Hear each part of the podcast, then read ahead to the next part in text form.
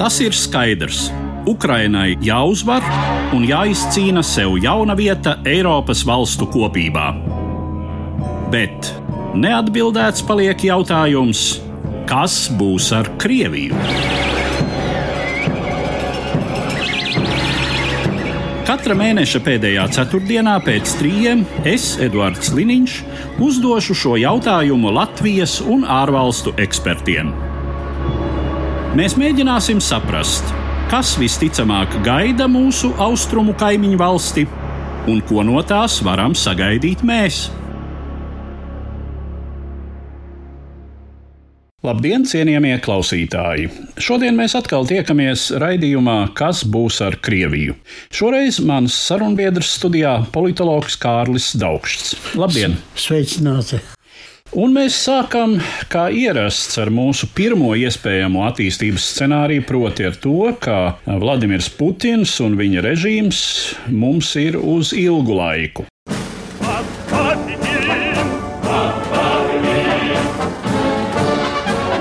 Pirmais scenārijs - pa ordas traktu.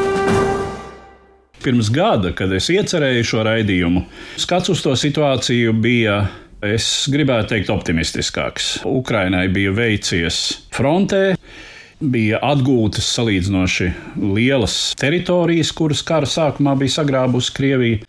Un uh, tie optimistiskākie ļaudis runāja par to, ka Ukraina visā drīzumā varētu pārraut šo sauszemes koridoru, ko Krievijai ir izdevies izveidot gar Melno jūru uz Krīmu, iespējams pat ieņemt Krīmas pussalu, un, protams, prognozēja, ka tas viss atstās graujošu iespaidu uz Putina režīmu, uz šī režīma izdzīvošanu. Tik minēti ļoti daudz argumenti, kas pagājušā gada laikā ir izrādījušies neadekvāti Putina režīms ir izrādījies krietni stabilāks nekā par to domāja. Tas var atļauties simtiem tūkstošu cilvēku noguldīt Ukrainas zemē.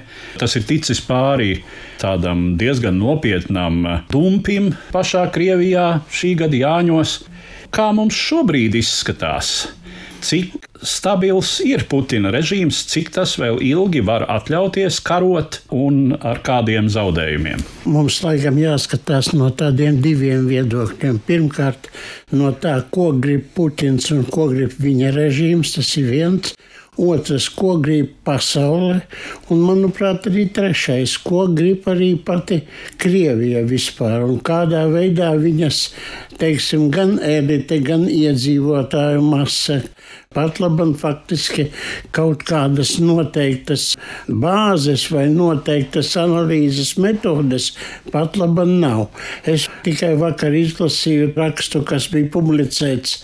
Protams, tas nav tāds nopietnākais izdevums bildi taču tur ir ļoti pesimistisks vērtējums par tālākajiem notikumiem, jo pēc bildu uzskata, ka notiek kaut kādas tomēr sarunas starp Baidenu, starp Šolcu un arī vienlaicīgi kaut kādā veidā tai tiek piesaistīta arī Krievija un ka rietumi pat labi vienkārši runājot, ir izpumpējušies fiziski, morāli un arī finansiāli, un tāpēc arī pat labam tiek domāts par to, kādā veidā atrisināt ne tikai kara laukā, bet varbūt kaut kādā veidā meklēt diplomātiskos risinājumus.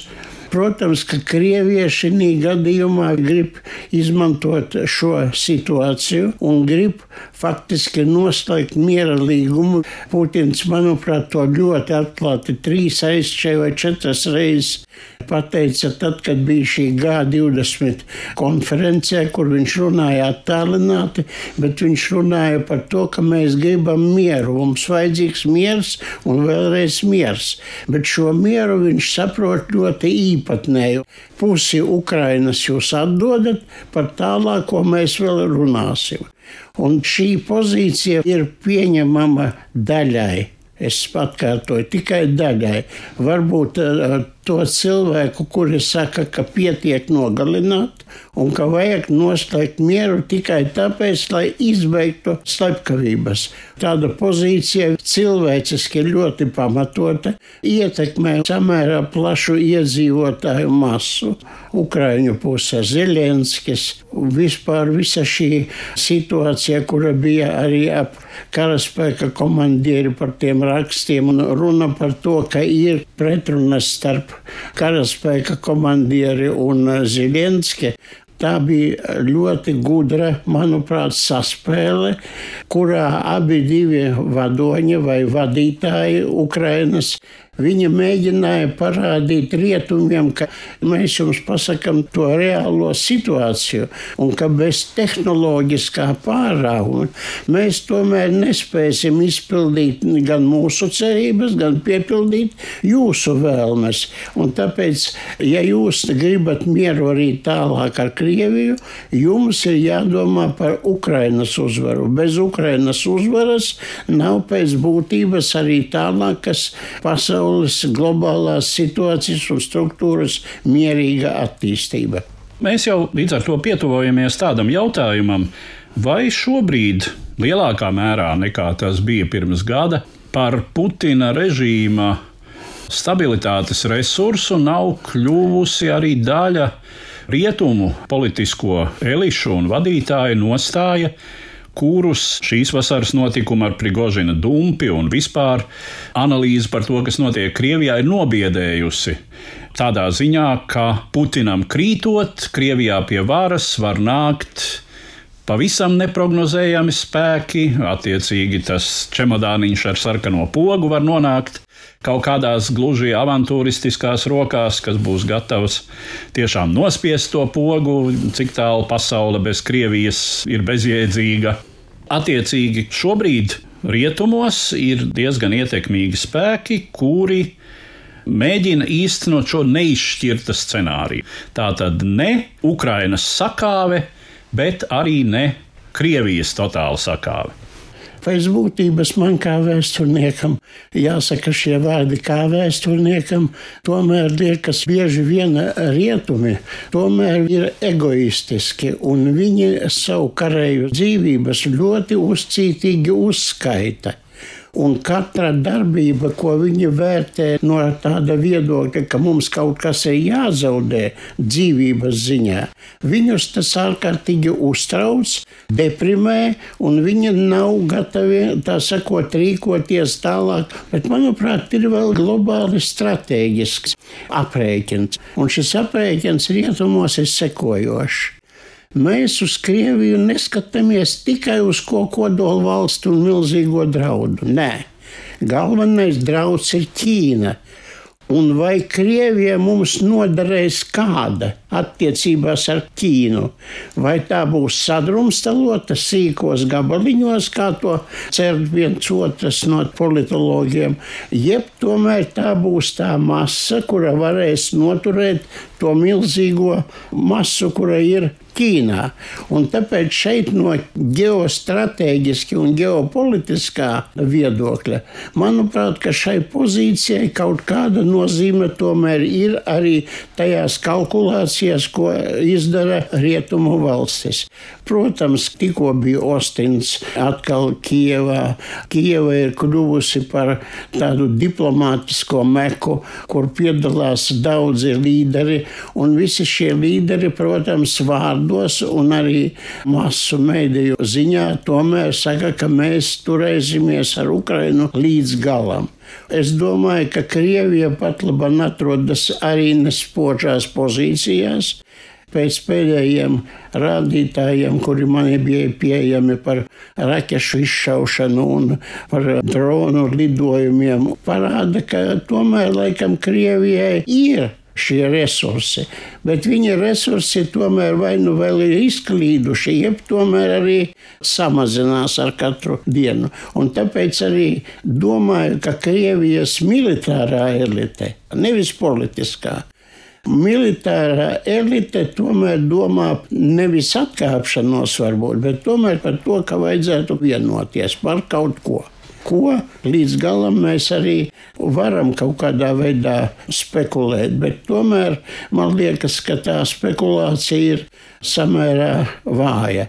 Domājot par Krievijas eliti, kas ir militārā, drošības dienestu darbinieku elite, līdz šim ir pieņemts, ka tur nav cilvēku, kuriem būtu gana drosmes, lai kādā brīdī, lai glābtos paši, lai glābtu režīmu, lai glābtu iespējams valsti, varētu arī šo vadoni vai nu novākt, vai iespējams pat izdot rietumiem, lai tur viņu notiesā un tā sacīt, sāk sarunas ar citiem cilvēkiem Krievijā.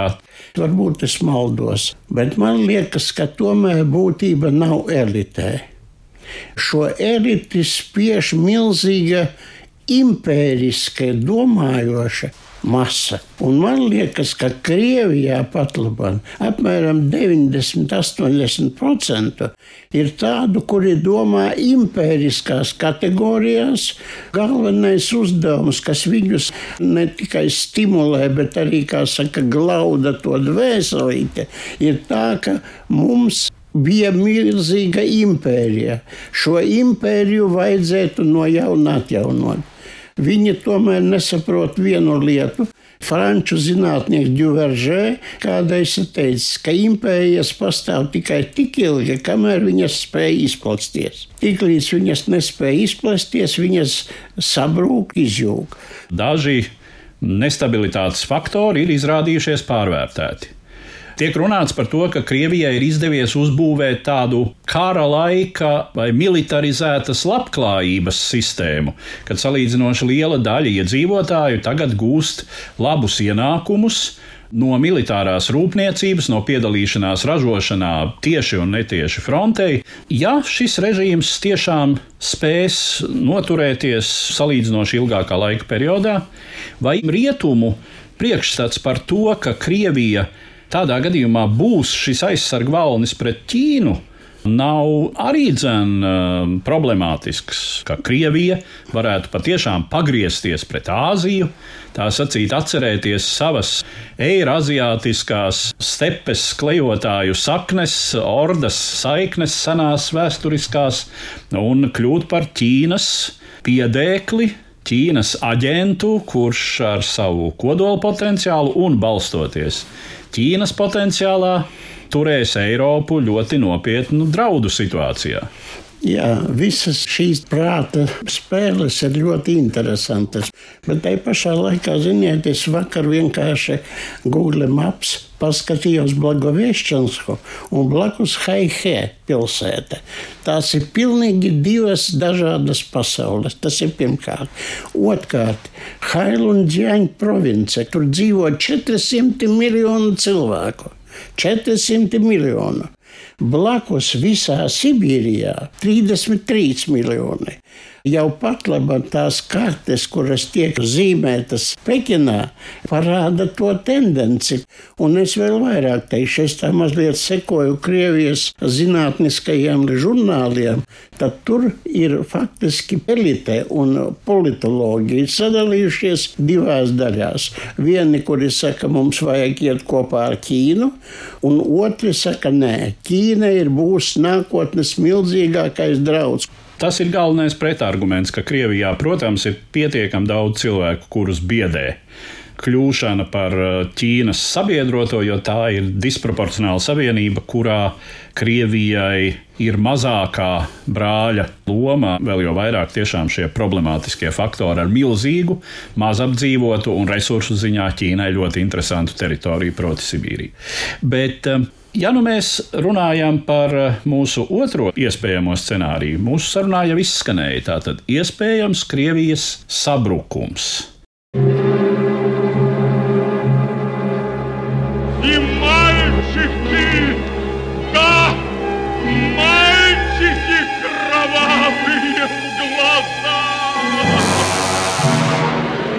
Otrais scenārijs Juku laiki.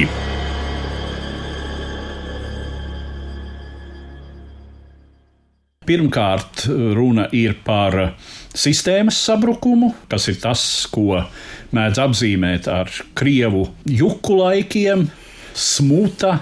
Jā, šis vārds tiek lietots šobrīd arī rietumu politoloģijā. Līdz beidzot, pat eh, ir versijas, kas diezgan pārliecinoši runā par to, ka Krievijai ir lemts sadalīties sīkākās vienībās, jo šis milzīgais organisms joprojām ir kultūrāli ļoti dažāds, atšķirīgs attīstības ziņā. Maskava ir izrīkojusies despotiski un lielā mērā, varētu teikt, parazītiski attieksmē pret daudziem reģioniem, kuriem ir pašiem savi resursi ka tam visam ir zināms potenciāls, lai ar Krieviju notiktu kaut kas līdzīgs. Kā notika ar Padomju Savienību pirms 30 gadiem? Es piekrītu, ka tas ir iespējams. Un tas ir tas modelis, par kuru ļoti bieži un daudz runā vispār. Sevišķi to runā tie, kuri cer uz drīzu Ukrainas uzvaru, ka Ukrainas uzvaras iespējamais rezultāts būtu Krievijas sabrukums. Man tomēr kaut kā skeptiski jāskatās uz visu šo problemātiku impēriskā tauta. Un pat labi es jūtu, ka Krievi ir apsēsti ar impērisma ideju.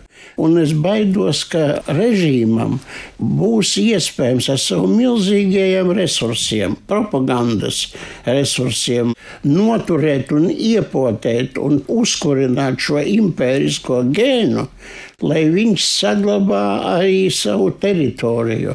Franču filozofs to ieteica telpu tautai dod dievs, bet vēsturi velns.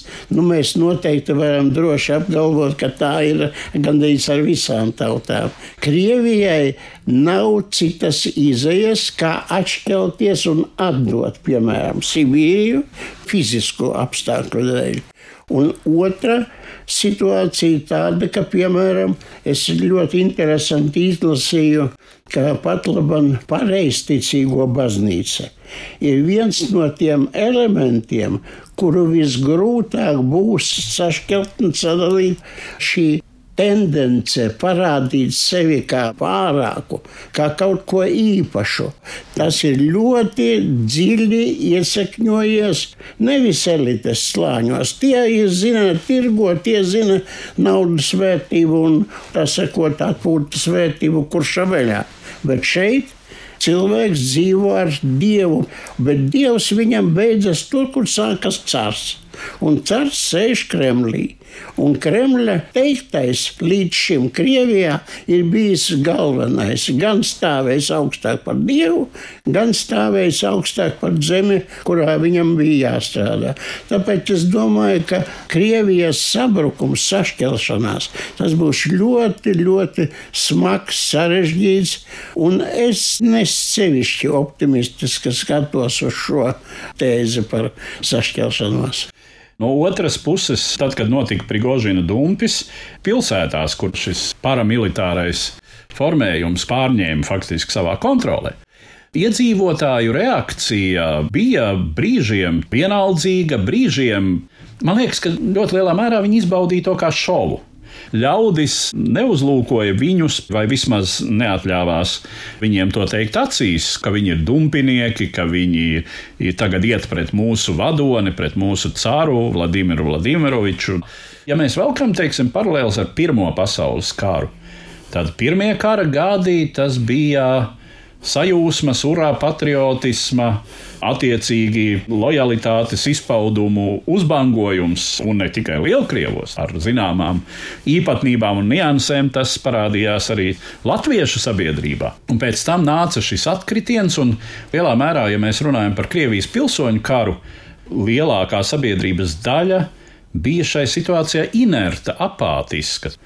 Proporcionāli, es domāju, ja mēs skatītos tajā laikā uz Latvijas sabiedrību un Latvijas neatkarības karu, tad tie latvieši, kas tā vai citādi bija aktīvi iesaistīti procesā, apzināti un mērķtiecīgi bija krietni lielāka nekā teiksim, tajā brīdī, kad Krievijas liktenis izšķīrās, vai tā būs balta vai sarkana, un kādas būs robežas un tā tālāk. Kā ir tagad? Tagad ir tāpat. Tā kā jūs to uzzīmējāt, pie tam jāsaka, ka Krievijā pat labāk diezgan liela daļa varas spiesta sevi parāda kā urā patriotu, kā Z patriotu, lai izdzīvotu, bet ko viņš īstenībā domā, to neviens nezina. Un otrs, es domāju, ka Krievijā vispār kaut ko prognozēt uz priekšu. Sevišķi tas, kas skar masu, manuprāt, tas ir absolūti bezjēdzīgs darbs. Tur var pagriezties burtiski dažu sekundžu laikā. Tauta ir pūlis, regulējams, virzāms un arī izmantojams, bet līdz zināmai robežai, jo pūlim ir tendence pašuzliesmot. Un šis pašu uzliesmojums, lūk, ir tas nezināmais Krievijas elitē pat labam, un arī Putinam, tur, kur sēž Kirijenko, visi metodologi un domā, ko mēs darīsim, un viņu visi vēstījumi, viņi ir vērsti vairāk ne uz ārieni, bet uz iekšieni. Te ir viens no tiem analizējumiem jautājumiem. Kādā veidā, ko viņi domā un kā viņi grib rīkoties. Tā tad mēs, un laikam gan neviens pasaulē, neņemas šobrīd izkalkulēt, kurā brīdī un kas varētu būt tas detonators, kas varētu tomēr novest pie ļoti nopietnas eksplozijas Krievijā, kas iespējams varētu šo valsti arī saplosīt, kad katrs reģions mēģinātu tikt galā ar situāciju pašu spēkiem, jo centrs to vienkārši vairs nespētu. Bet kad, kā un kāpēc? Es vismaz neņemos nekādā Jā. ziņā prognozēt. Mums būtu jāpalūkojas vēl uz vienu scenāriju, par kuru visā šais sarunās līdz šim, šai raidījuma ciklā vienmēr ir teikts, ka potenciāli Krievijā tam īsti ir grūti saskatīt. Proti, Krievijas demokratizēšanās.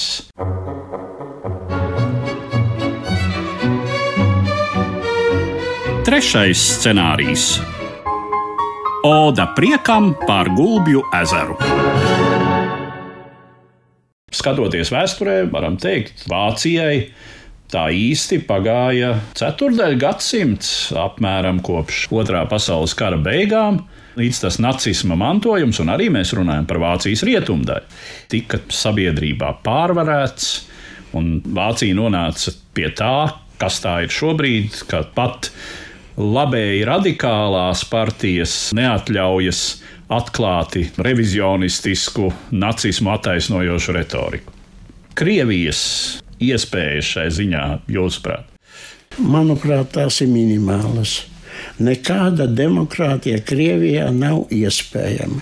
Ne pie sadalīšanās, ne pie viņas vienošanās. Demokrātija nav piemītoša pašai kolektīvajai apziņai, kura ir Krievijā. Krievijas vēsture pati par sevi ir kolektīva, viņa nav individuāla. Individuālās vēstures un liberālās pieredzes trūkums neļauj mirušie tur aiz kājām dzīvos. Un tāpēc arī es neticu pie tām pati opozīcija, tā opozīcija, kura arī atrodas ārzemēs, viņi domā par liberālu impēriju. Vienalga viņi domā par impēriju. Nav tendences izveidot demokrātiju nevis kā atsevišķu kaut kādu darbību, bet gan kā lielu, milzīgu projektu, kurš ir jāiedod kā nākotnes krievis. Starp citu, Putinam tur nav nākotnes programmas. Viņam ir visu laiku iet uz priekšu ar atpakaļ pagrieztu galvu šiem demokrātiem un liberāļiem. Viņiem ir jāpasaka, kā jūs dzīvosiet ar čečēniem, kā jūs dzīvosiet ar apgāziem, kā jūs dzīvosiet ar visiem kopā. Pat labi, šī atbilde ir nav. Jūs esat ne tik gudri kā mēs, jo mēs izcietām. Man pašos demokrātos liekas kaut kas ļoti pat labam vēl neizstrādāts un nedemokrātisks. Tur ir atsevišķi cilvēki, ļoti spīdoši, bet masa opozīcijas masa.